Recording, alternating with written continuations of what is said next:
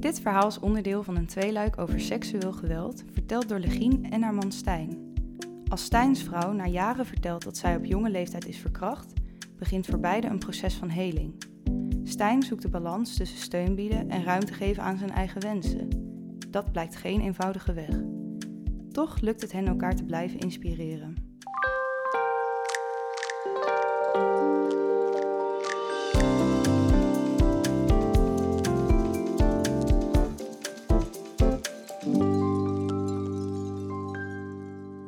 Nou, fijn. Stijn, Ja. dat ruimt. Ja, Dat we in, eh, in gesprek gaan vanmiddag. Ehm, dit gesprek is een onderdeel van een tweeluik. eh, namelijk ook een podcast die op de website staat met Legien, jouw vrouw. Eh, het thema seksueel geweld, ook in dit gesprek. En ehm, jij bent de partner van iemand die seksueel geweld is aangedaan. Ehm, kan je ook iets, eerst iets over jezelf vertellen? Wie, wie is Stijn voordat je Legien... Je kent Legien al, nou, eh, 20 jaar, meer dan 20 jaar. Ehm, hoe, wie was de Stijn voordat je Legien leerde kennen? Eh, dezelfde als toen ik uh, Legien kende, denk ik. ja? Ja, eh, ze viel op de Stijn. Ehm, ja, in Amsterdamse, Amsterdam opge eh, opgegroeid. Vader was kunstenaar, moeder zat in de bijstand. eh, later eh, eh, in de boekenuitgeverij gewerkt. Was steek dyslectisch. Dat is een beetje een ding van mijn... die lang mijn identiteit bepaalde. Voor de rest wel aardig met vrienden en, en sociaal redelijk enthousiast. Mhm. Veel horecawerk.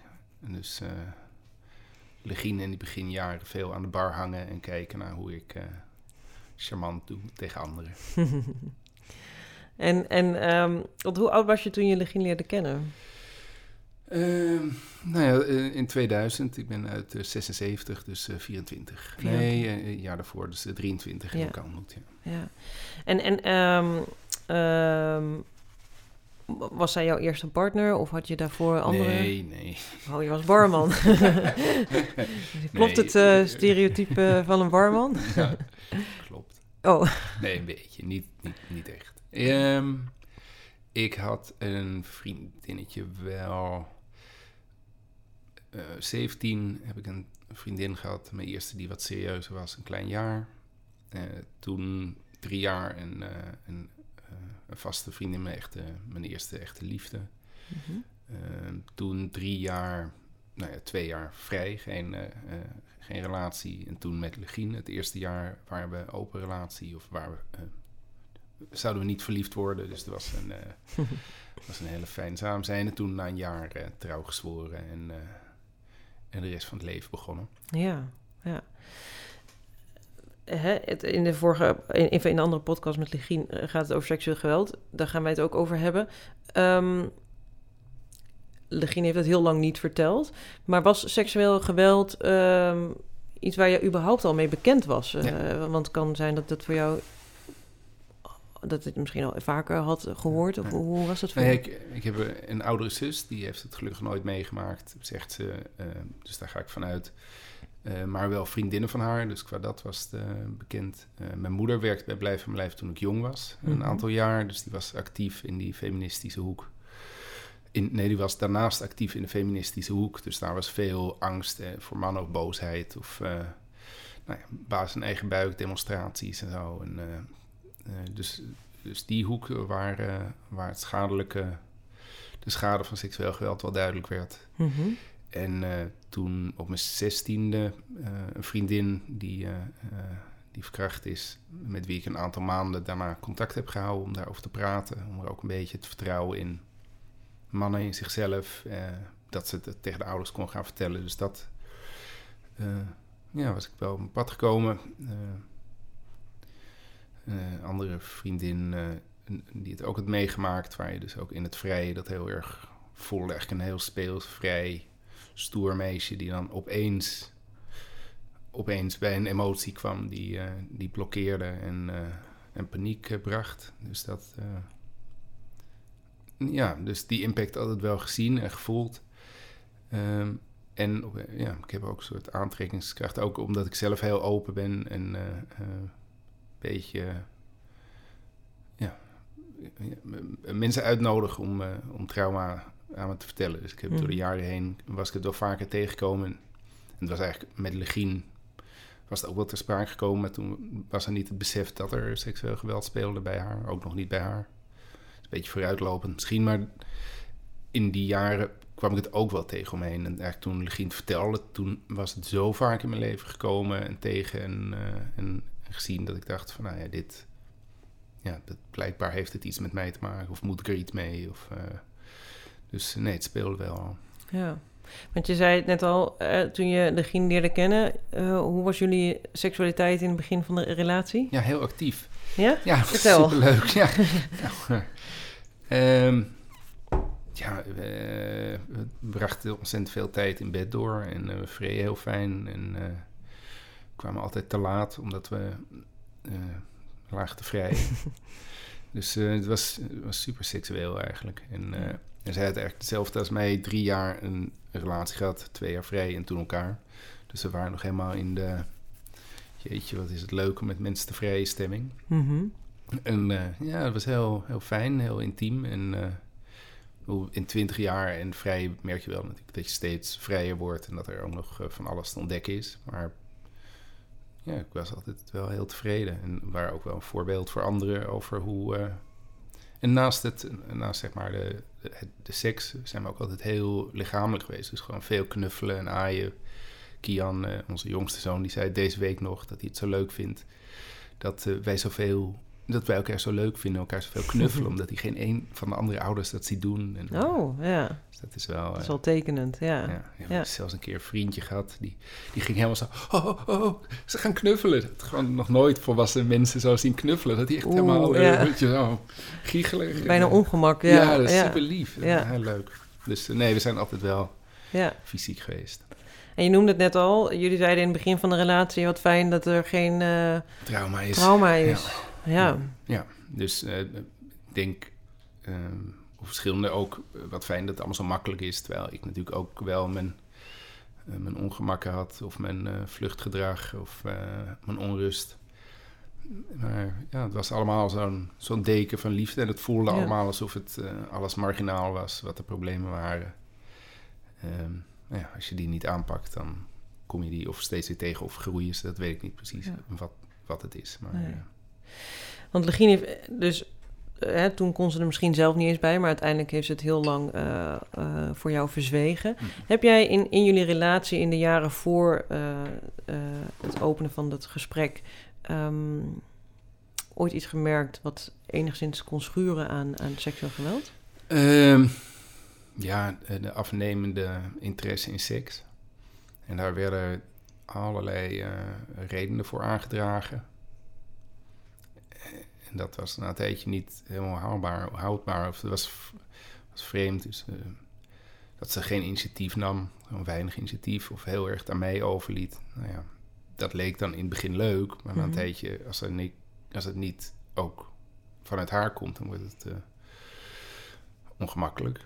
Mhm. Ehm, ja, dat uitspraken over wat seks eigenlijk niet zo belangrijk is, of dat het, het een beetje naar beneden praat, alsof het iets simpels of iets plats is, waarin Mhm. ja, seks is voor mij iets heel essentieels. Of, en het geeft echt betekenis en vulling en energie. En, en haar, haar benadering van seks, ondanks dat ik dat wel met haar dacht te ervaren, dat, dat plaatste dus niet in dat vakje. Dus het bleef voor haar een soort hobby die je kan doen of niet kan doen. Ja. Waar het voor mij een eh, ja, levensenergieachtig eh, eh, plek was. Dus daar merkte je wel dat we daar uit elkaar... Maar goed, dat kan ook aan iets anders liggen. Ehm, nou ja, uiteindelijk dan wat flashbacks die ze dan niet benoemde... maar dat je wel merkte dat ze blokkeerde of... dat ze rigidener werd in, in de vrijheid die er eerst was. Dat dat allemaal nou, ik begrijp nu veel beter, daar zit een pijn en angst. Dus als je daarheen gaat, ja, dan kan je beter maar zo ver mogelijk wegblijven. Ja. En het liefst nog net iets verder, zodat je veilig bent. En bedoel je dan voornamelijk seksueel of ook, eh, ja, of ook relationeel of beide? Nou, eh, seksueel, ik denk dat emotioneel... eh, ja, wat waardoor heen komt, weet ik niet. Ik ging dan een tijdje ook me onttrekken, dus dan ging ik veel wegblijven. Of dan zocht ik ergens anders, niet seksueel contact, maar dan zocht ik ergens anders vervulling of invulling voor die connectie. Ja. En ja, dat voelde zij dan weer. En dan trok zij zich terug. terug dus dan kom je in een, in een spiraal waar je dan niet helemaal uh, meer weet wat, wat de oorsprong is of waar, uh, waar het kernprobleem zit. Maar dat seksueel geweld daar een onderdeel in is, is zeker uh, Ja. duidelijk. Ja. Ja. Maar dat was het dus toen nog niet. Nee. Ehm, is het ooit door je hoofd geschoten? Is, was het een van, je, een van je ideeën in je zoektocht naar antwoorden van waarom groeien we uit elkaar? Waarom zijn we seksueel niet meer zo actief als het... Wat, Ja. wat is de terughoudendheid? Nou ja, ik. ehm, het laatste wat je wil doen is bij seks dat er een vragende en een, eh, en een gevende partij wordt. Dus dat is heel moeilijk om mijn klachten neer te leggen of mijn wensen. Als je na een tijdje die de vrager wordt, ja, dat is, ik, ik wil juist gezien en, be- en, en benaderd worden. Ja. Dus dat, ehm, wat er wel speelde was dat Legien had wel seksuele contacten gedeeld die niet helemaal fijn waren of die eh, eh, over haar grenzen ga- gingen of waar ze niet, eh, niet helemaal vrede mee had. En dat had al vrij snel in de relatie gezet, gezegd. Dus ik wist wel dat er een soort van onrust was. En ik weet ook nog dat ik zei van, nou ja, ik, ik blijf daar gewoon ieder half jaar naar vragen. Misschien dat daar in de toekomst wat komt. En dat heb ik ook niet zo gedaan. Dus dat was meer één keer per jaar of één keer in de twee jaar of misschien één keer in de drie jaar. Dus dat, ik had eigenlijk geen, geen vragen, omdat ze had gewoon dat vertelde. En je denkt, ja, dat, dat klinkt inderdaad vervelend, maar helemaal Ja. geen idee wat. En de zwaarte ervan was ook niet dusdanig dat het logisch voelde voor mij dat het daar lag. Maar Nee. daardoor was er wel een onrust. Maar omdat zij zo duidelijk erover was dat dat bij haar lag, eh, liet ik dat ook een beetje. Je denkt, ja, ik kan nu gaan duwen of trekken of dat voor mezelf me, me gek maken, maar Mhm. en dan overgeven aan wat het blijkt te zijn en dat het komt als het komt. Ja. Maar dat, daar zat wel een soort van iets dat ik dacht, nou, daar, daar moet nog een keer wat mee. Dat het iets anders was en dat de omvang zo groot was, dat eh, had ik niet eh, verwacht. Nee. Nee. Kan je het moment nog herinneren dat ze jou ehm, vertelde? Wat, Ja. wat ze bij zich doet, het geheim? Ja, ja, zeker. Ehm, ja, heel goed. Dus dat was, eh, was mooi. En, eh, Hoe was, ging dat? Eh, op bed vertelde ze het uiteindelijk na een hele zware zomer. We hadden eigenlijk al een paar jaar dat het moeilijk was met de intimiteit. En die zomer was echt... ja, ik wist gewoon niet zo goed meer hoe ver het komen. En ik denk ook wel dat ik in die periode met vlagen depressief-achtig was. Mhm.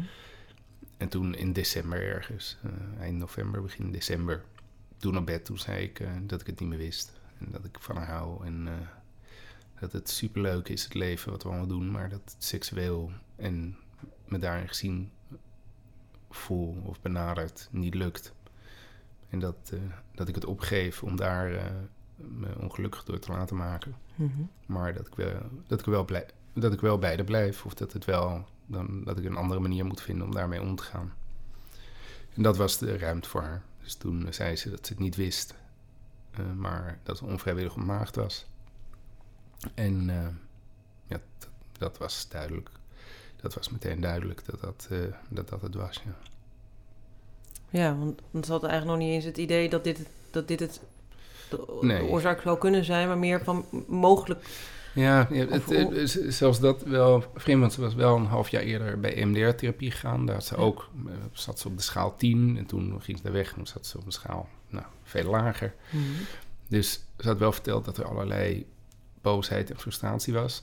Ondanks dat ze dat voor zichzelf wel al had gekoppeld aan wat er was gebeurd. Dus dat had ze toch nog niet beseft dat het, dat, Dat dat het effect dat, dat was. het dan ook is. Ja, ja, dus ze had gezien dat die MDR nodig was omdat het zo hoog zat. Dat die connectie, maar de connectie dan legt van, oh ja, dat staat dan ook tussen ons. was een soort van dingetje, dat los ik in mijn eentje op. Dat is mijn ding, dat heeft niet met Stijn en mij te maken, want dat is een dynamiek tussen ons. Ja. Dus, ehm, maar ja, toen ze het tegen mij zei, toen dacht ik wel, toen voelde ik wel dat dat natuurlijk wel eh, gigantisch is geweest. Hoe, hoe reageerde je? Huilen. Ja. Dus veel huilen. En, eh, een, beetje, een beetje troosten eh, om te zeggen dat dat huilen niet om haar ging, maar dat het wel. eh, ja, dat. En toen, ja, ik denk dat we toen de rest van de nacht hebben gepraat. En de drie dagen daarna hebben we ook elke avond gewoon heel veel gepraat. En ja, dat was heel fijn. Legien voelde zich ook helemaal... ze had er al die dingen nooit over nagedacht en, mm en grote vragen. En, en, opeens deelde ze het. En dan zei ik, ja, ik hoor het. En het klopt en het is inderdaad. Dus Legien die ontspande in, in alles wat helemaal eh, vast was komen te zitten. Dat ontspande allemaal. Dus ja, ja. zoals het gaat, dan, uh, dan beweegt ze, dan loopt ze, dan kijkt ze anders. Dus vooral die eerste paar dagen was een oase van blijdschap. En toen kwam het, uh, ja, de terugval of de, het, het, instorten of het, uh, het begin van het helingsproces. Ja. En was het voor jou, want je zegt ik, blijdschap, was het ook meteen blijdschap? Want, want wat er natuurlijk theoretisch gebeurt, is dat zij een last kwijtraakt en jij krijgt er iets bij. Jij ja. krijgt, hoe voelde, voelde dat voor jou ook zo? Of hoe voelde dat? Nee, ik denk dat dat mijn last op dat moment in de relatie zo groot was, zo uitzichtloos, mm -hmm. dat het eigenlijk een stap de ladder op was. Ja. ja. Eigenlijk de, de, ja. de oplossing naar waar jij zo lang mee worstelde, ja. voor jouw gevoel. Ja. En ik denk, ik heb ook wel een beetje in mijn, mijn aard dat. Ik weet gewoon dat, wel dat er heel veel nare dingen zijn. Als mensen hele nare ervaringen delen met mij, denk ik, nou, als ik een klein beetje daarvan weg kan halen, geef ik jou een cadeau. Ja. En ik kom een beetje dichter bij jou in mijn gevoel. Dus ik begrijp je beter. En dat is een, een beetje een cadeau. Zo. Ja. Dus het is niet zo dat ik dan zelf in, in dat gat spring. Nee. nee want die valkuil is er natuurlijk wel. Zeker. Hè? Dit, dat kan natuurlijk wel zo zijn. Maar voor jou was het dus eigenlijk inderdaad een soort antwoord op de vraag die jij al zo lang had. Ja. Uh, onbewust. Ja. En, en de dagen van blijdschap, je zei daarna was er, was er een dip. Dat was, was, dat, een, dat was een dip bij Legien of was het ook een dip bij jou? Ja, uh, we hadden natuurlijk ook gewoon twee kinderen, dus het gewone leven gaat door. ja, ja. En uh, Legien die kreeg, ik denk daarna kreeg ze, zat daarvoor een beetje. En daarna kreeg ze toen echt heel erg er, uh, zo'n zo spierontsteking en astma en uh, huisstofmijtallergie en ja, dus dat, die was gewoon even uit de running. Ja. Was al met, met de werken, uh, was al wat aan het schommelen qua burn-out klachten of uh, overmatig uh, stressgevoelens. Uh, ja, dus nee, ik denk dat ik dat, dat jaar daarna voelde heel erg dat ik heel veel energie had om dat te dragen. En pas een, denk een jaar later dat je denkt, oké, okay, en en dan is het nog niet klaar of zo. Dus nee. mijn dip kwam denk ik uh, wat later. Ja. En uh, het is ook fijn, we hadden van alles mee aan de slag te gaan. Dus zowel gewoon onderzoeken als praten. En uh, ik ging in mijn werk dus een beetje beeldverhalen over maken. Ik ging ontzettend veel over lezen. dus met familie praten, juridisch proces in. Dus genoeg om, om handen om, om iets constructiefs mee te doen. Ja. Ik had misschien in die tijd wel wat meer kunnen huilen of wat steun kunnen krijgen van andere mensen om, om dat verdriet al gaande wat toe te laten. Ja, want had, je, had jij baken toen je, toen je dit, dit hoorde? Ben jij toen erop uitgegaan om inderdaad nee. het gesprek met anderen aan te gaan? Hoe voelde dat voor jou? Nee, niet zo, denk ik. Dus uh, nee, ik, ik ging met met tekenaars heb ik wat verhalen gemaakt. Dus dan schrijf ik het voor mezelf op en dat geef ik dan aan mensen. En ik krijg iets terug. Dus dat is heel fijn dat je daarover in contact bent. En ja. als dat weer laat zien, dan heb je een gesprek met mensen erover. Dus dat was fijn. Uh, ja, vrienden en familie. Ja, weet gewoon niet goed wat, wat ze moeten zeggen. Dus wat vervelend. Of uh, nou ja, misschien hebben ze ook wel gevraagd hoe voel je je. En dan zeg je ja het is best wel zwaar en uh, ja. best wel lastig. Maar het idee dat daar. Uh, dat ik daar rust vond, niet echt. Wel in de stad, dus uh, ik ben altijd een stadhanger geweest. En dan hoop ik terrasjes met een krantje en met wildvreemden aanspreken. En daar, daar had ik wel gesprekken erover. Ja, dus eigenlijk uit de context van je ja. eerste lijnscontacten, zeg maar, da daar kon je je verhaal ja, doen. ja. En kreeg je daar dan ook de steun die je nodig had? Of, of bleef het leeg? Ja, ik denk dat de, de alcoholconsumptie daar uh, eh, niet echt bij hielp. Nee. Dus het maakt het wel vrij en gezellig. Maar of ik dan twee dagen later daar dan meer energie van heb gekregen, dat eh, is altijd de vraag. Ik denk het niet eigenlijk. Dus eigenlijk het eerste jaar was best wel een worsteling eh, in die zin. Om, om, Ja, behalve dan dat het wel heel bevredigend was dat we aan de slag waren Ja. en dat we in gesprek en dat ik gewoon hartstikke blij was met hoe ik er was voor haar en dat ik mijn eigen. Ik, zorg graag, eh, misschien wel te graag, dus dat is Mhm. ook iets waar ik later aan mee ga werken. Maar het was voor mij heerlijk om weer gewild, geliefd en, eh, en nodig te zijn. ja, ja. Want ehm, je hebt dan eh, dat, dat jaar waarin Legien dan ehm, op zoek gaat naar... Hè, de, of hulp zoekt voor haar vraagstukken.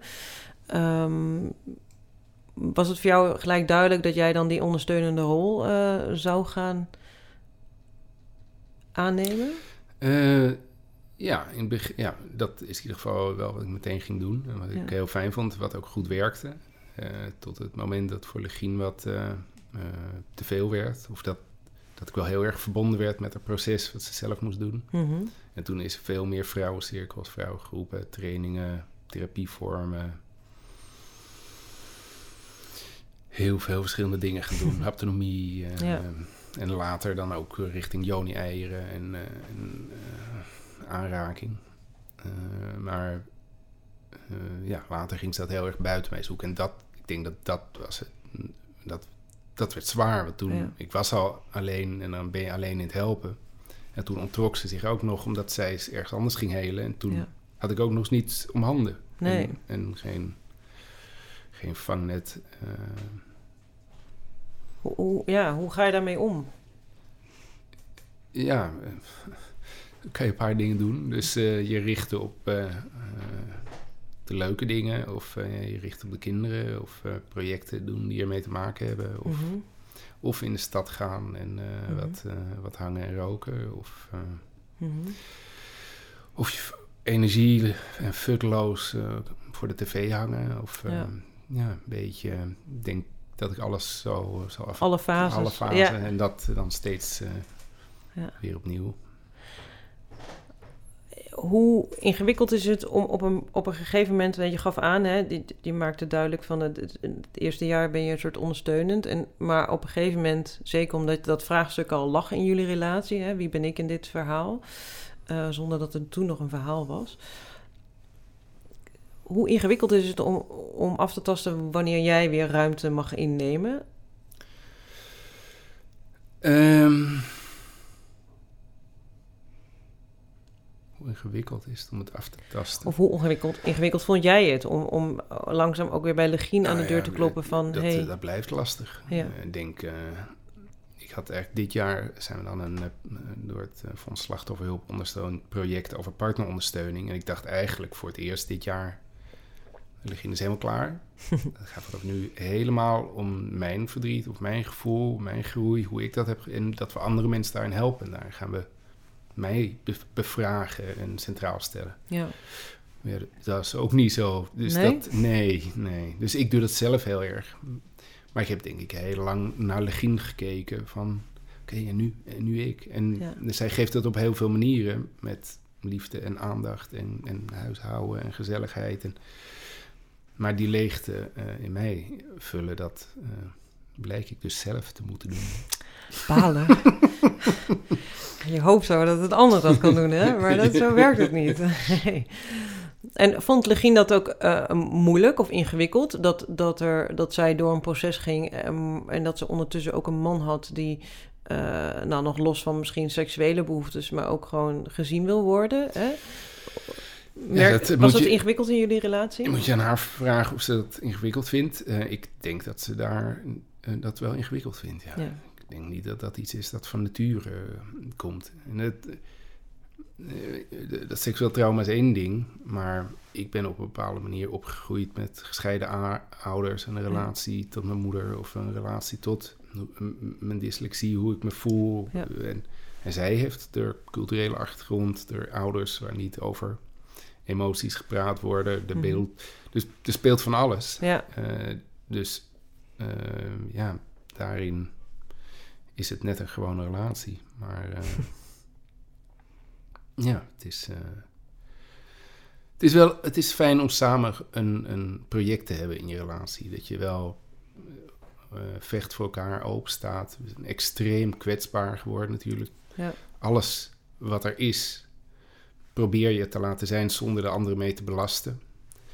Maar je hebt steeds het idee dat je de ander belast, dus kan je dan wel of niet doen. In het begin met het seksueel geweld en haar proces, ja, dat kost alle energie. Dus zeg maar, het energie aan mij besteden is één ding, maar sowieso bedenken hoe ik me zou voelen, ja, daar is eigenlijk helemaal geen ruimte voor. Nee. Uh, en dat, uh, dat kan alleen als ik begin te delen en heel duidelijk communiceren van kijk, dit voel ik, hier sta ik en is aan jou maar iets mee te doen of niet te doen. Dat is Mhm. ook allebei een optie. Ja. En dat op een manier doen dat ik ging eisen of boos. Dat ik, ik ben wel ook veel gefrustreerd geweest. Ja. En wel blij dat ik me wel altijd ben blijven uitspreken. Of het altijd de juiste manier is geweest, eh, ja, ik denk niet. Dat ook, ik had eerder al me meer kunnen verdiepen in geweldloos communiceren. in mijn eigen lijf, mijn eigen zijn accepteren.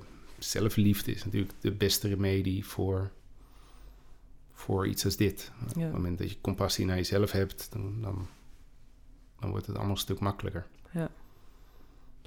Dat, ja, de- want je zegt van.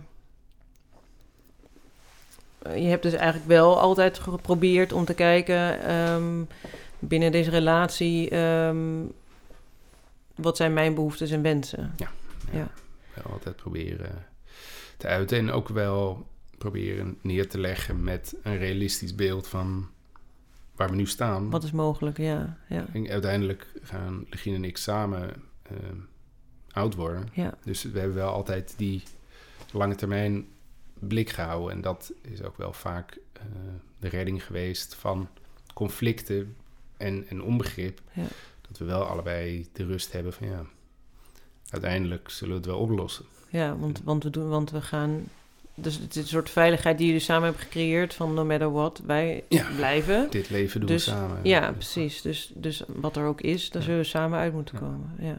Wat natuurlijk ook wel is eh, in periodes eh, dat, dat het dan fijn voelt om echt weer opnieuw te kiezen. En als, dan is van ja, maar misschien, hoe kunnen we dat nou zeggen, dat we eeuwig bij elkaar blijven? Dat geeft mij heel veel onrust. Maar Ja. het is voor Legien dan nodig geweest om daarmee echt die autonomie te pakken. ja, weer echt bewust te kiezen daarvoor. Ja. Ja. ja. Ja. Hoe, hoe was jullie seksualiteit? k- kon, dat, kon dat gewoon weer? Kon, hè, dit is een, eigenlijk een soort voor en Ja, na ja. bijna. Ah, ja, ja. eh, ik ben heel, ik ben heel eh, creatief geworden. Dus in dat eerste jaar gewoon onderzoeken van wat triggert jou. Nou, die positie, ehm, die, die richting. Als je daar de deur is en je gaat hier zitten. eh, nou, wat kan het? Alles. eh, Je kan. voor anderen is het weer hoe het licht staat, of welke toon je gebruikt, of Mhm. welke woorden je gebruikt. Nou, allemaal van die zaken uitspreken en daar rekening mee houden. In het begin ook zeggen, oké, dan gaan we geen penetratie voor drie maanden. Mhm. Of dan zeg ik, nou, wat, wat heb jij nodig? Nou, of, en, en dus heel erg bespreken waar de ruimte is. Ja. En dan daarna en daarvoor daarover in contact blijven en het bijstellen. Mhm. En dat was eigenlijk steeds de kunst om de stress bij de weg te houden. Ja. Want er zit gewoon een angst voor seks, om, omdat je ergens over dat, eh, over die, die, over, in dat ravijn geduwd kan worden Ja. emotioneel. Ja.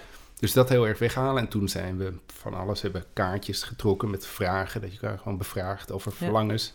Ze had zichzelf natuurlijk ook, het was op 16 gebeurd en ze had zich nooit echt seksueel bevraagd. Nee. En ik, ik had vroeger altijd het beeld van. eh, het was heel gek, ze fantaseerde niet over seks. Als we heerlijk hadden gevreden, de volgende dag had ze helemaal niet dat ze daarop terugblikte of naar verlangde. Dus het voelde altijd een soort van. Ze had een apart eiland. En als ik er dan over mijn schouder gooide en dan met haar de, daar over een brug was gelopen. Dan was het gewoon een fantastische vrije vrouw. Dat je dacht, nou, Mhm. dat is... Maar daarna, het, dan, dan was het heel ver weg. Dan was het over een brug waar ze niet overheen wou. Terwijl mijn seks, ja, ik kan, maar, ieder moment van de dag zou ik daar, als dat fijn voelt. Maar dat heeft helemaal geen hobbel. Dus die, die hobbel eh, zien, benoemen en dus bewust die stap maken en daarin veiligheid geven. Ja.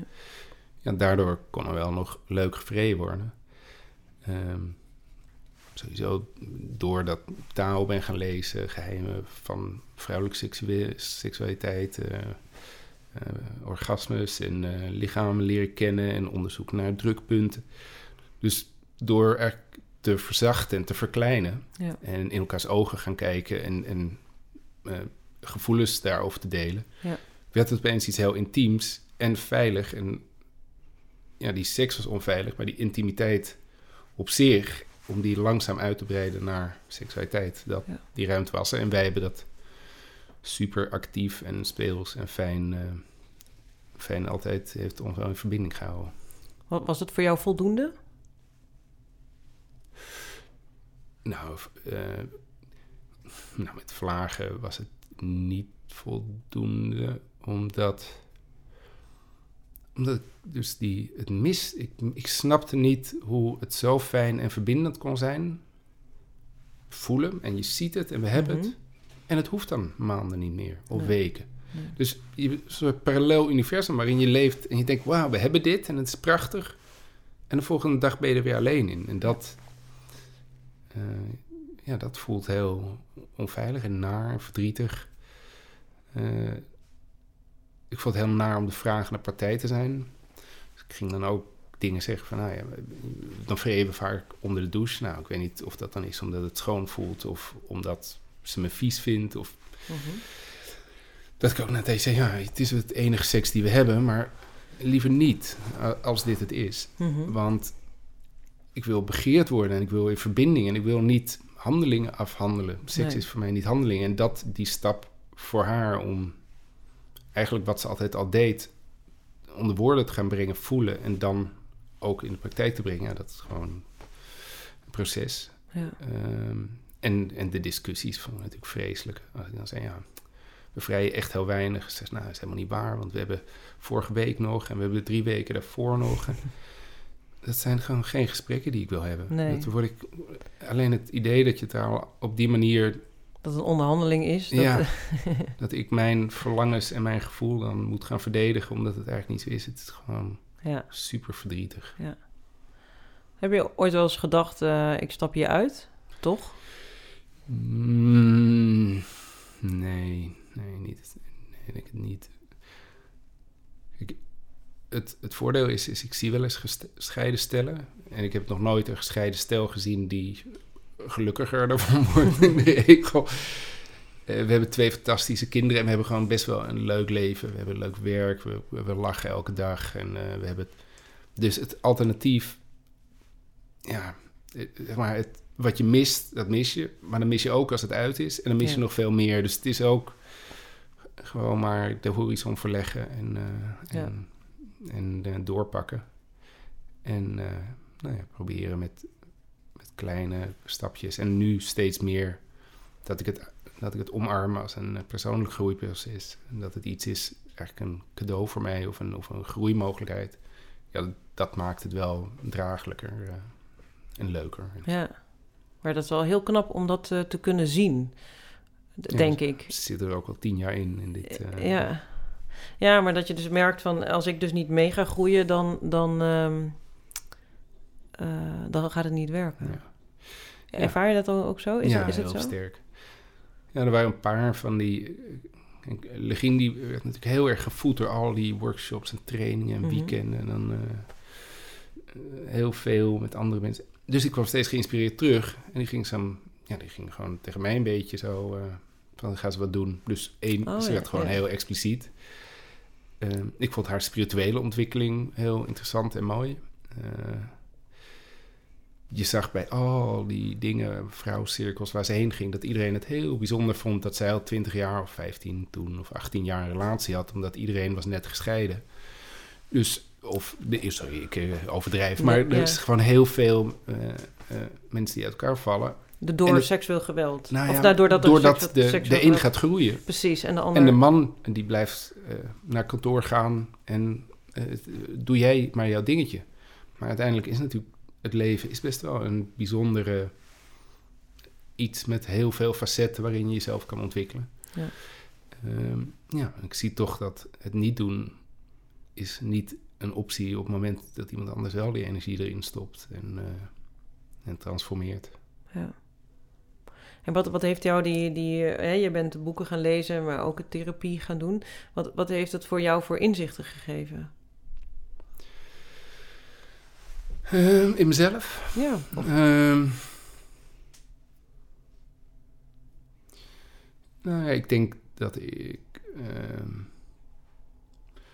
rustiger. Ik denk dat ik veel minder zaken.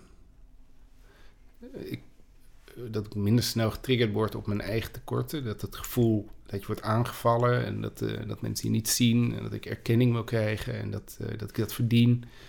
Dus eigenlijk veel rustiger. Ik ben veel uh, compassievoller ook naar de anderen zijn, zijn manier en zijn copingmechanismes. Um, een manier om, ja, dat iedereen, en ik, ik ben altijd wel, ik heb sociologie gestudeerd, dus ik ben altijd wel geïnteresseerd in beweegredenen van mensen en groepen. Mhm. Maar dat ik dat dan ook echt voel en daarin ruimte kan houden. Uh, meer dan vroeger. Ik denk dat het een groot inzicht is. Um, met veel. Ik was al open, maar later, als je dan gedenkt, nou, ik was daar niet zo open over. En dat, dat bagatelliseerde ik ook een beetje zo. Dus die Mhm. daarin uh, mezelf gewoon helemaal omarmen hoe ik ben. Uh, en daarvoor dur te durven staan. Dat is veel meer geworden seksueel uh, verdiept. Dat opeens uh, dat ik intentie voel als ik me aanraak of als ik word aangeraakt. En ja, kleine bewegingen. Ja. spiritualiteit wat meer in ontspan. Dat er honderden manieren zijn om iets te benoemen en dat het allemaal iets is waar je wat van kan leren. Ja, dus ja ik denk gewoon een algehele rust en, en bereidheid om aan mezelf te werken is nog een hoop uh, waar ik mee aan de slag wil. En dat ik nu dus workshopjes hier en dan training daar en een boek. Nee, dus ook mijn nieuwsgierigheid is wel gegroeid. Ja, ja. Want, want um, wat doet dat met je mannelijkheid? Uh, ik kan me zo voorstellen dat als... Uh, dus de dader is een man bij Legien. daar zit dan voor haar natuurlijk een proces met hoe ga ik om met mannelijkheid? Hè? Wat is die energie en, kan ik daar iets mee? Of, of raak, ik daardoor geïntimideerd? Betekende dat ook dat jij voor jezelf je mannelijkheid ging, anders ging bekijken? Dat je dacht, ja... Ja, de, de bedreigende mannelijkheid, dat je mannelijke energie, ja, dat je die te, moet doseren. Of dat ja. je die... Uh, nou, ik, ik ben het, bewustwording in ieder geval ja. van die mannelijkheid, dat het... Ja, nou, ik, ik denk dat? dat ik al een beetje uh, een klap van de molen had door mijn, mijn moeder en de feministische uh, vriendinnengroep. daarin was mannen al... dat je mannelijkheid niet al te veel in de dominantie moet voelen. Ik heb altijd wel veel vriendinnen gehad zeg maar, platonische vriendinnen Mhm. mm -hmm.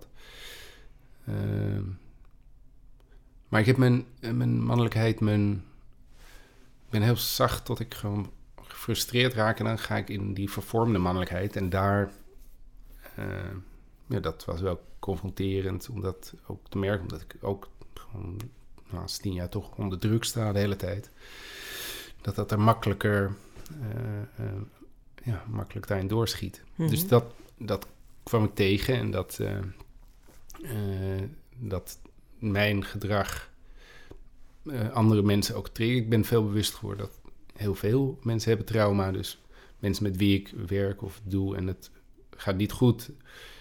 Ja, dat ligt niet helemaal aan mij. Mm -hmm. Maar ik trigger wel iets waar ik natuurlijk wel wat aan moet, moet doen. Dus mezelf veranderen. Uh, niet mezelf afkeuren, maar wel beseffen dat ja, in interactie is het nodig om daar uh, rekening met anderen te houden. Ja.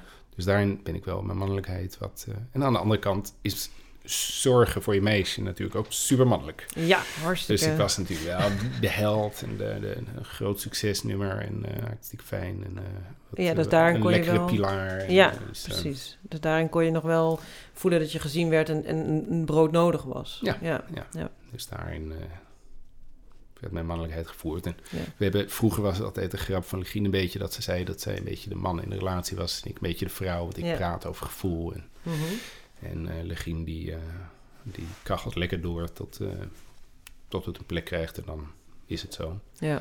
En ik denk dat we daar allebei wel, dat ik wat meer in mijn kracht en gewoon staan voor wat ik wil. Ja, dat moest ook. Ja. En, en dat zij wat meer in de zachtheid en de vrouwelijkheid is eh, gekomen. Ja. Want als ik nog even nadenk over het gegeven dat zij natuurlijk jarenlang een geheim heeft ge- gehad. eh, ehm, hoe is dat voor jou geweest dat, eh, dat jij dus heel lang iets niet hebt geweten van haar? hoe Ehm, belangrijk is dat in een relatie? En, Nee, Ja. confronterend is eh, dat ik dan ook bedenk, mijn porno kijken toen was ook een geheim voor haar. Mijn, wat ik in de stad voor geld uitgaf en wat ik daar rookte en dronk, sprak ik ook niet uit. Dus ergens voelde het zo van, ja, je hebt een geheim, maar je denkt, oh, hallo. En dat is best wel logisch dat je dat geheim houdt, omdat het een open zenuw is. Mhm. Ik heb eigenlijk ook een heleboel geheimen. Oh, oh. Dus het was daarin ook confronterend met mezelf. Eh, hoe was het dat zij er niet over had gedeeld? Ehm, ja, misschien omdat ik al wel bekend was met de impact en ook snel ben gelezen erover.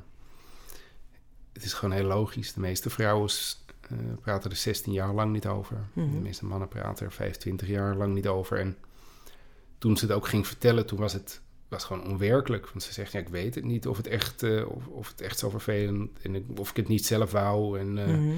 Dus ze kwam met allemaal vragen en dan vertelde ze wat er gebeurd is. En het was overduidelijk dat het Ja, voor verkrachting jou is. was en klaar. Ja. Maar om gewoon te zien dat ze dat niet eens beseft, ja, dan, dan is het ook logisch dat het een geheim was. Want het was gewoon, het was nog niet gekristalliseerd in een soort, ja, een vlek in haar Mhm. lijf die, eh, die gewoon niet was aangezien. Dus ik heb eigenlijk vrij snel ook tegen haar uitgesproken van ja, dit, dit was een geheim voor jezelf. En, eh, eh, maar wel ook toen gezegd van dat gaan we niet meer doen. Dus ik wil wel nu ook horen in de komende maanden wat er allemaal gebeurd is.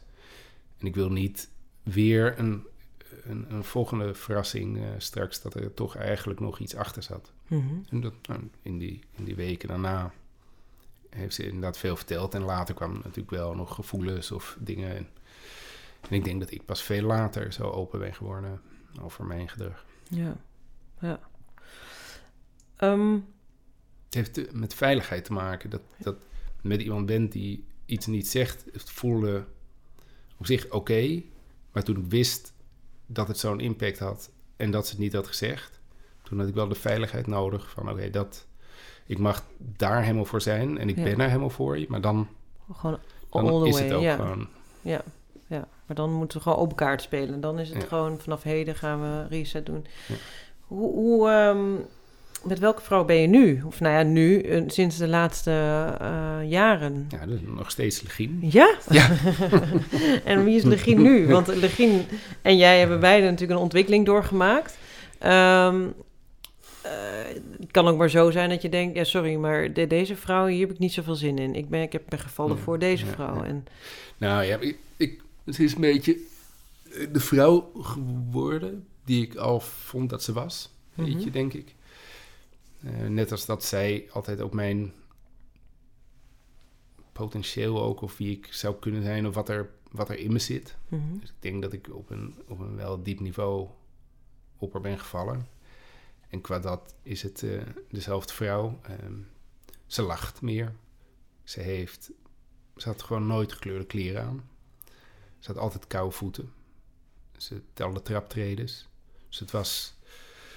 Het was gewoon wat, wat krampachtiger. Maar als ze met mij was, dan ontspande ze. En dan, Mhm. dan, dan voelde dat heel fijn. En ik denk dat hoe ze met mij was in die ontspanning, dat ze dat nu veel meer in de wereld zet. Ehm, Ja. Ik vond het heel moeilijk in haar werk, dat ze vaak aan het werk was. En dan, ja, ik weet niet of ik wel goed genoeg ben. En dan kreeg ze een nieuwe functie en dan ging ze een trainingen doen. Terwijl ik dacht van, je moet die afdeling runnen. Ja.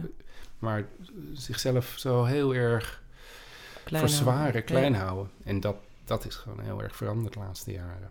En dus, eh, ja, ik ben gewoon met de powervrouw met wie ik getrouwd was, maar die nu dat eh, ook eh, meer voelt en, Ja. en laat zien. En het blijft voor de rest een hele lieve vrolijke, zachte, speelse schoonheid. Ja.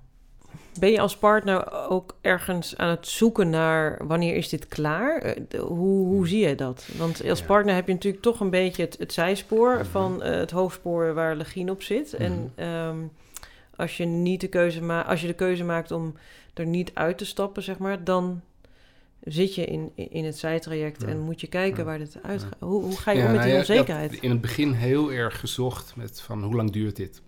Ja. En niemand durft wat zeggen. Zie je ergens een half jaar en staat ergens een jaar. Oh, gewoon letterlijk ging je zoeken. Ja, ja, ja, ja, aan precies. mensen vragen, Ja. boeken Ge- lezen. hou vast, ja. En dan zeggen ze nee, een leven lang. En dan anderen zeggen ja, sommigen die eh, worden nooit meer seksueel. En, eh. Dus een soort eh, helemaal niks. Nee. En wat ik nu wel een beetje heb, denk ik dat. mm, hangt natuurlijk ook af. incest is natuurlijk een ander verhaal dan. Hoewel dat de impact natuurlijk ook eh, kan verschillen. Mhm. Maar ik denk ergens na twee, drie jaar dat het stabiliseert. Dat je na vijf, zeven jaar dat er, een, eh, dat er, dat er echt groei is. En nu na tien jaar. Nou, ik had eigenlijk gedacht dat we dit jaar een soort van het is voorbij eh, zouden vieren. Ehm, maar seksueel geweld. het wordt gewoon een onderdeel van wie je bent. Mhm. Net als dat mijn dyslexie of mijn, mijn vluchtgedrag een deel is waar je iets mee moet. Omdat Ja. dat, eh, dat speelt mee. Ehm, dus het idee van wanneer is het voorbij, wat ik in het begin had, dat ik een soort van mijn adem ging inhouden. Ja. Dat werd na een tijdje wel duidelijk van dat werkt niet. Wat wel werkt, is geïnspireerd raken door haar reis en zelf meegaan. En samen bijzondere dingen ontdekken en proberen. En ja, als zij met, met inzichten thuis kwam, ja, dat is voor mij leuk. Oké, hoe gaan we dat doen? Nou, dan ga ik eh, een half jaar lang ga ik het huishouden doen, zodat je helemaal kan ontspannen. Nou, laten we dat eens proberen. Of, Mhm. dus het, het is ook een hele creatieve impuls eh, in de relatie. Dus qua dat werd na een tijdje duidelijk dat het gewoon ons leven is en, en een haakje waarop we keuzes kunnen maken. En de wens dat helemaal voorbij is. Nou, het is fijn dat we altijd wel zijn blijven vrij. En ik denk dat de laatste jaren dat Legien seksueel veel meer is geland. Ook door dingen als Joni-eieren en gewoon ja, haar eigen lijf liefhebben en, eh, en, en voelen en ontdekken en verschillende lagen en eh, verschillende orgasmes. En dat helpt enorm, Ja. want daar is het toch het meest tastbaar. Voor de rest zijn het ja, natuurlijk zijn angsten en, en, en triggers en, en eigen beeld is allemaal vervelend. Maar dat hebben we allemaal een beetje last. Maar als Ja. er geen seks is, of als seks is eh, alsof ik een, eh, een, een, een eh, in, ja, plat ben en zij dat maar een beetje meedoet. Dat Mhm. was het meest tastbare en het meest ver- ver- verdrietige. En ik denk daar hebben we wel een jaar of, na een jaar of vijf echt wel een vorm gevonden die inspirerend is en ja, een, een blijvend gesprek. Ja. Beetje een antwoord. Weet je? Ja. is, dat ook, is dat ook de winst die jullie hier, of voor zover je mag spreken van winst bij seksueel geweld, maar is, is, dat, is dat ook de winst die het eh, jullie heeft gegeven als koppel?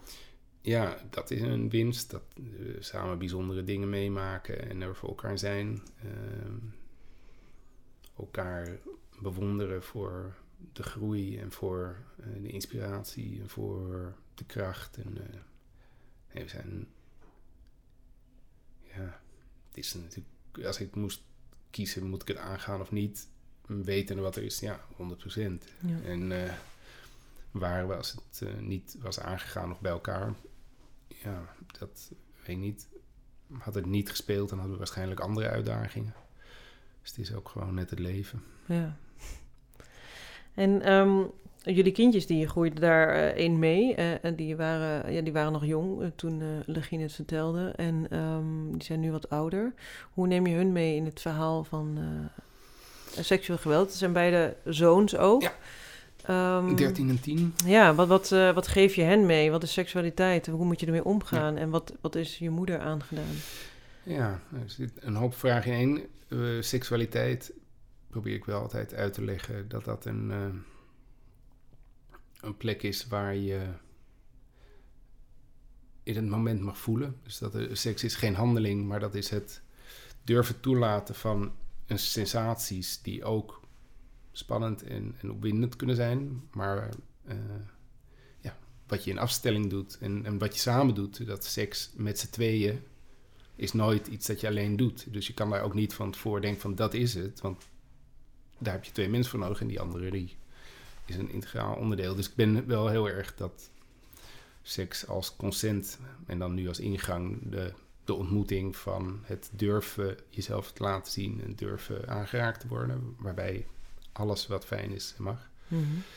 Ehm, ik heb veel beeldverhalen en, en eh, ook, ook dat toolkit en dingen geschreven over gender, seksualiteit, eh, misbruik, geweld, ehm, huiselijk geweld. Dus wat ik de laatste jaar, want Legien wou eerst niet dat, liever niet dat de jongens het wist, want zij dacht van ja, seksueel geweld is een link met seks.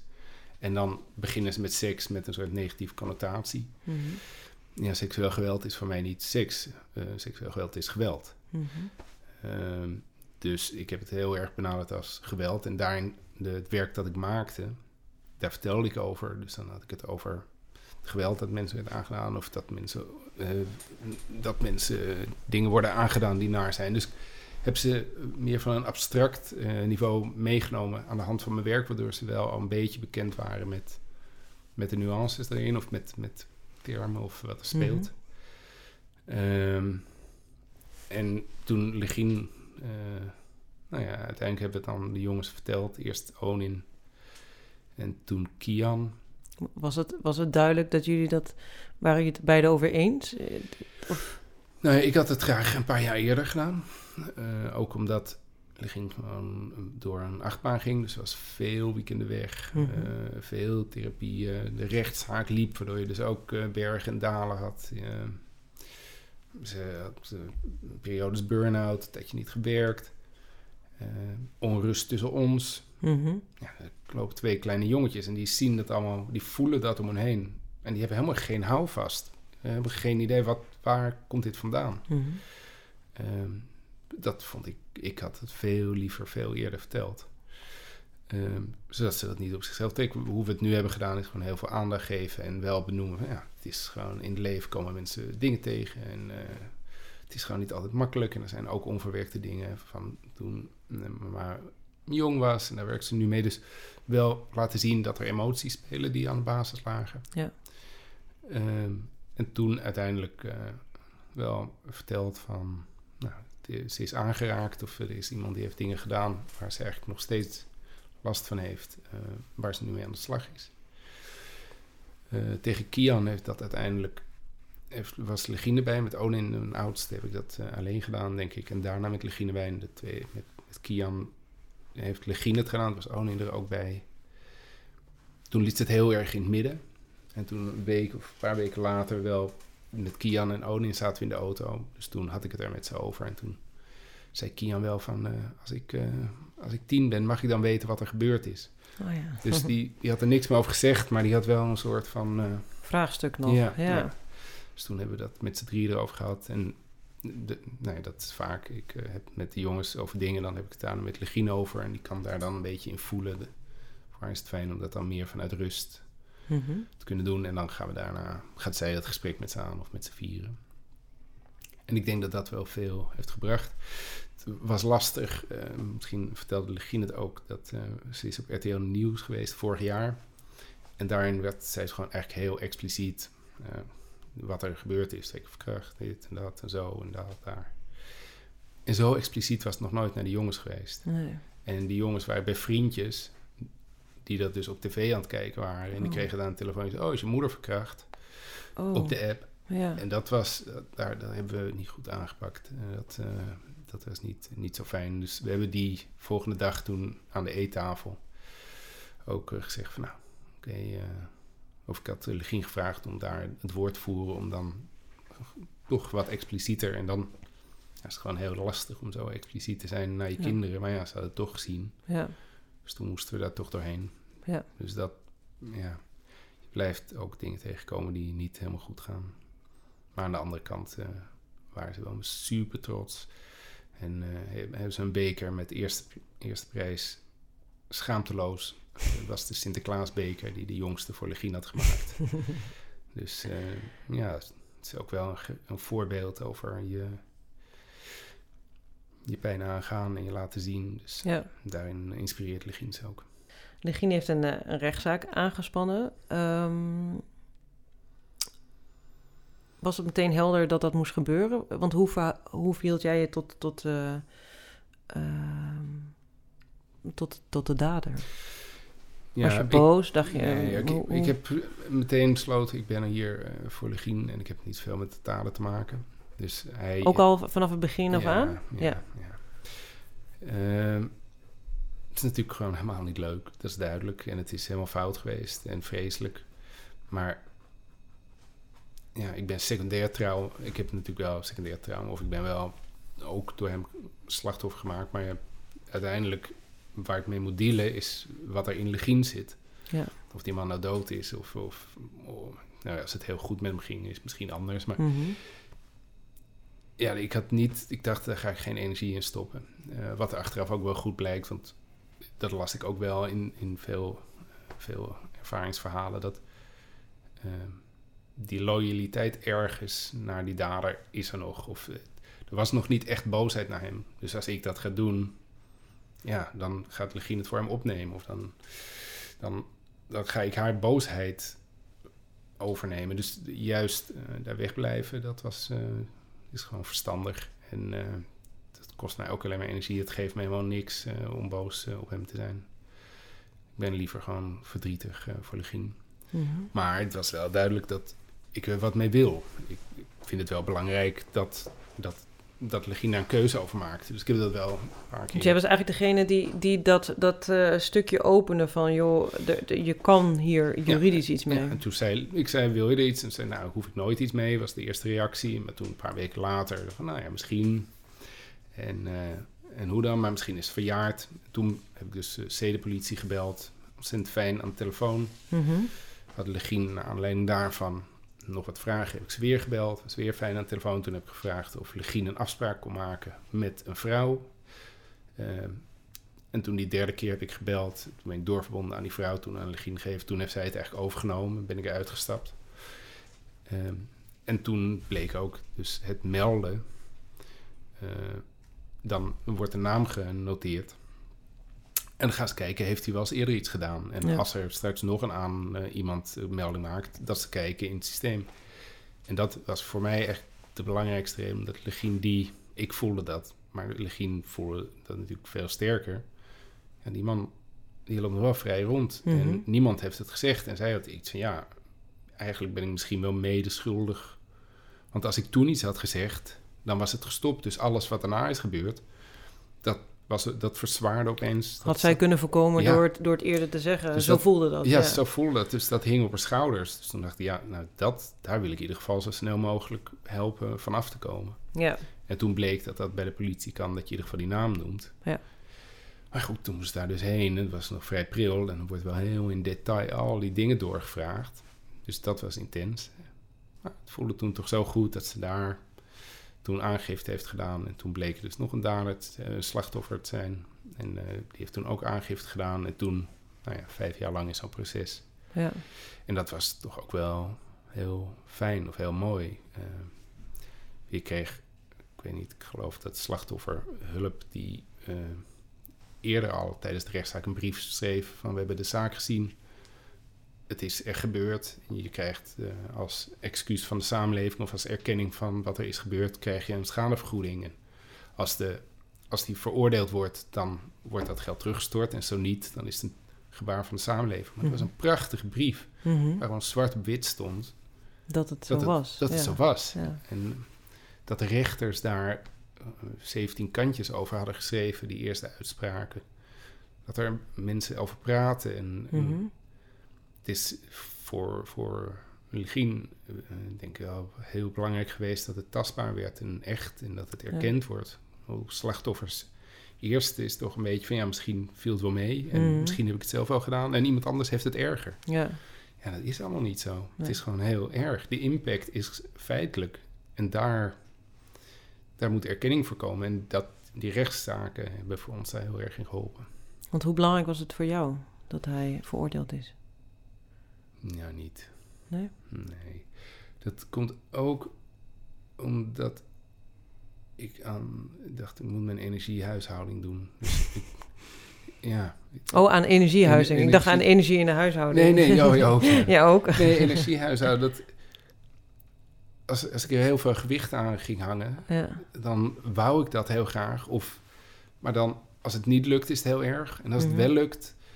Dus ik heb gewoon gekozen van ja, het is, ik ben super blij met het proces. Ik ben heel blij met al die contactmomenten, al die momenten van groei. Mhm. En uiteindelijk, eh, ja, het is, eh, het is een oude man. En eh, hij heeft jaren, hij is van zijn bed gelicht twee keer, hij is verhoord. Het Ja. is jarenlang is hem uitgelegd dat het niet oké was wat Ja. hij heeft gedaan. Ja, dat vind ik heel waardevol en heel mooi. De uitspraak, eh, Is daar slechts een bevestiging van, zeg Ja. maar, van wat jullie al voelden en, en wisten. Ja. Ja. Ja. ik weet niet, voor Legien is dat eh, denk ik wel anders, omdat Hm. een uitspraak natuurlijk wel... eh, maar ik heb daar redelijk emotioneel afstand van genomen en heel erg in het proces daar de, de schoonheid of de... Ja. Ja. Ehm, eh, het is eigenlijk een dubbele... Dubbel. Wat- Wat, had je zelf graag willen weten eerder, bij wijze van spreken, in dit proces, ongeacht dat dat misschien niet kan? En of wat zou je dan anderen willen meegeven als partner van iemand die seksueel geweld aan is gedaan? Nou ja, we, ja. we zijn nu dus druk een, eh, een toolkit aan het schrijven om dat helemaal eh, eh, uit te leggen. En we zijn vlogs of filmpjes voor CSG aan het maken.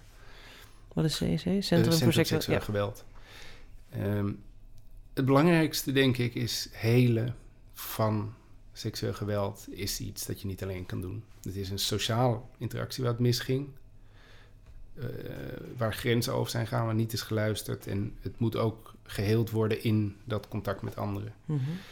Ehm, dus je bent heel belangrijk en je bent nodig. Ehm, maar je kan er niet overal zijn, want het gaat om zoiets groots, wat op al die levensgebieden, van carrière tot, eh, tot gezondheid, tot, eh, tot angsten, tot eh, ambities. Mhm. Dus we moeten ook op al die andere gebieden eigenlijk ruimte krijgen om te groeien. Mhm. En die ruimte, die krijg je eigenlijk alleen als er veiligheid is en rust. En veiligheid en rust kan je als partner alleen geven.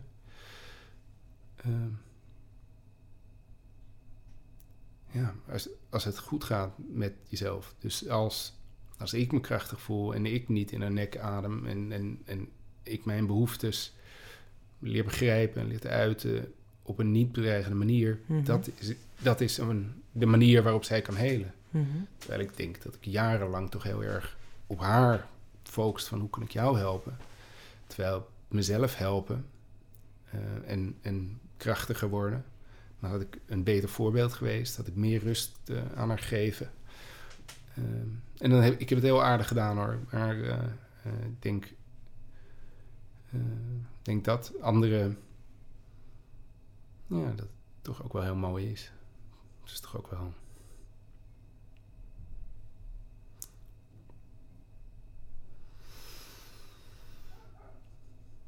Ja, het is toch ook gewoon bijzonder om dat samen aan te gaan.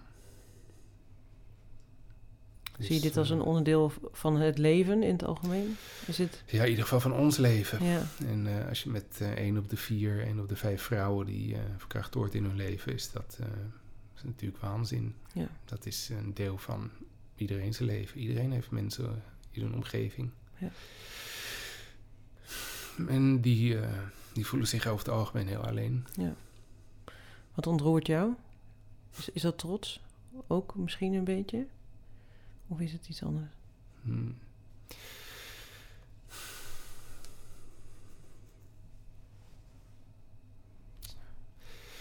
Ik weet het niet. Het is gewoon, eh, het is een. eh,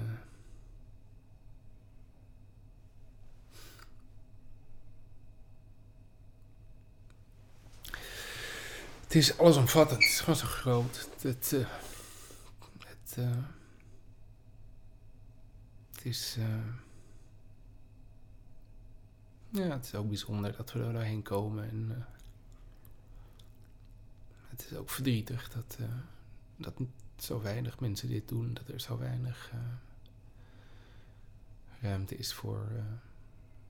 En dit is er één. Ik bedoel, je hebt eindeloos veel onzichtbare pijn.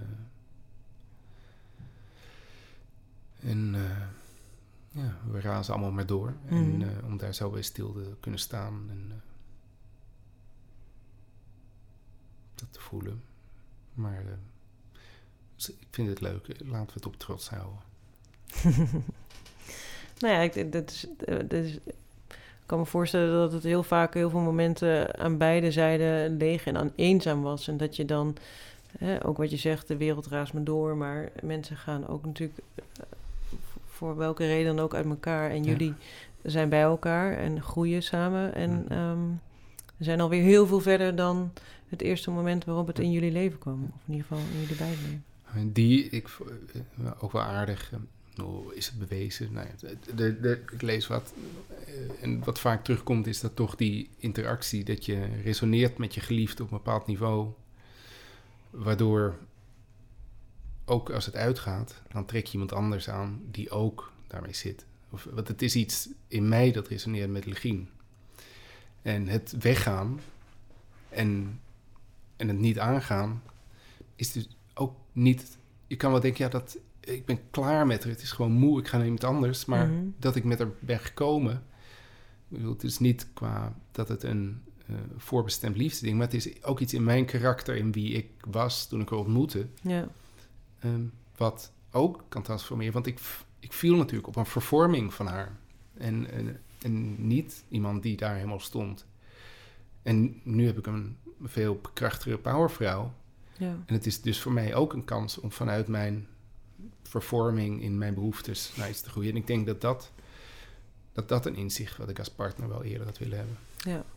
En ook eigenlijk wat je dus, hè, dus daarmee zeg je ook van. Uh, um, ervoor weglopen is eigenlijk in die zin, de, je kan het doen, uh, maar het gaat je niks geven, want je gaat hoogstwaarschijnlijk weer, ja. hè, dat is niet bewezen, maar mogelijk weer op iemand vallen die een, een dusdanig geheim of trauma, seksueel trauma met zich meedraagt. Of een ander iets wat, wat opgelost moet worden. Dus ja, en dan heb ik natuurlijk wel over goede relaties. Want er zijn natuurlijk genoeg relaties Tuurlijk, waar je ja. uit moet stappen. En het kan ook een, de beste oplossing zijn om weg te gaan. Ik heb, uh, Zeker ook hoe de partner ermee omgaat. Als ja. Ligien op een hele andere manier mee omgaan, had het misschien voor jou ook niet ja. uh, wenselijk geweest. Nee, en, en, soms zit iemand zo vast met de eigen pijn ja. en, en klampt zich zo aan iemand anders vast dat, dat het loskomen en in, op zichzelf en voelen dat ze het in er eentje kan of hij dat hij het in zijn eentje kan. Hmm. Dat dat nodig is om te groeien. Dus ik zeg niet, hou nee, het altijd is geen vast. waarheid, nee. Maar voor mij had dit, uh, geldt dit en had dit, uh, had dit wel fijn geweest. Ja. Ondanks dat Legine het altijd zei, doe gewoon je ding. En uh, ik, fijn als je zelf ook therapie of een cursus en Mhm. zorg vooral voor jezelf. Maar dan denk ik, ja, ja, dat is goed, maar ik moet nu nog even voor jou zorgen. Ja, ja. Het is ook iets, wat je al aangaf, dat is ook iets dus blijkbaar wat, wat dat zo waar jij ook een stukje identiteit uit haalt, zeg Ja. maar. Dus het was voor jou natuurlijk best wel ingewikkeld om dat ook eigenlijk meer los te laten. Ja. En dat is jouw spiegel die je dan hierin hebt uh, Ja. gehad. Ja. Dus gelukkig heb ik nog kinderen waar ik voor kan zorgen. Oh, dan zitten zij daar weer mee. nou, hey, dankjewel voor dit gesprek. Ja, dankjewel. Heel Ja. fijn.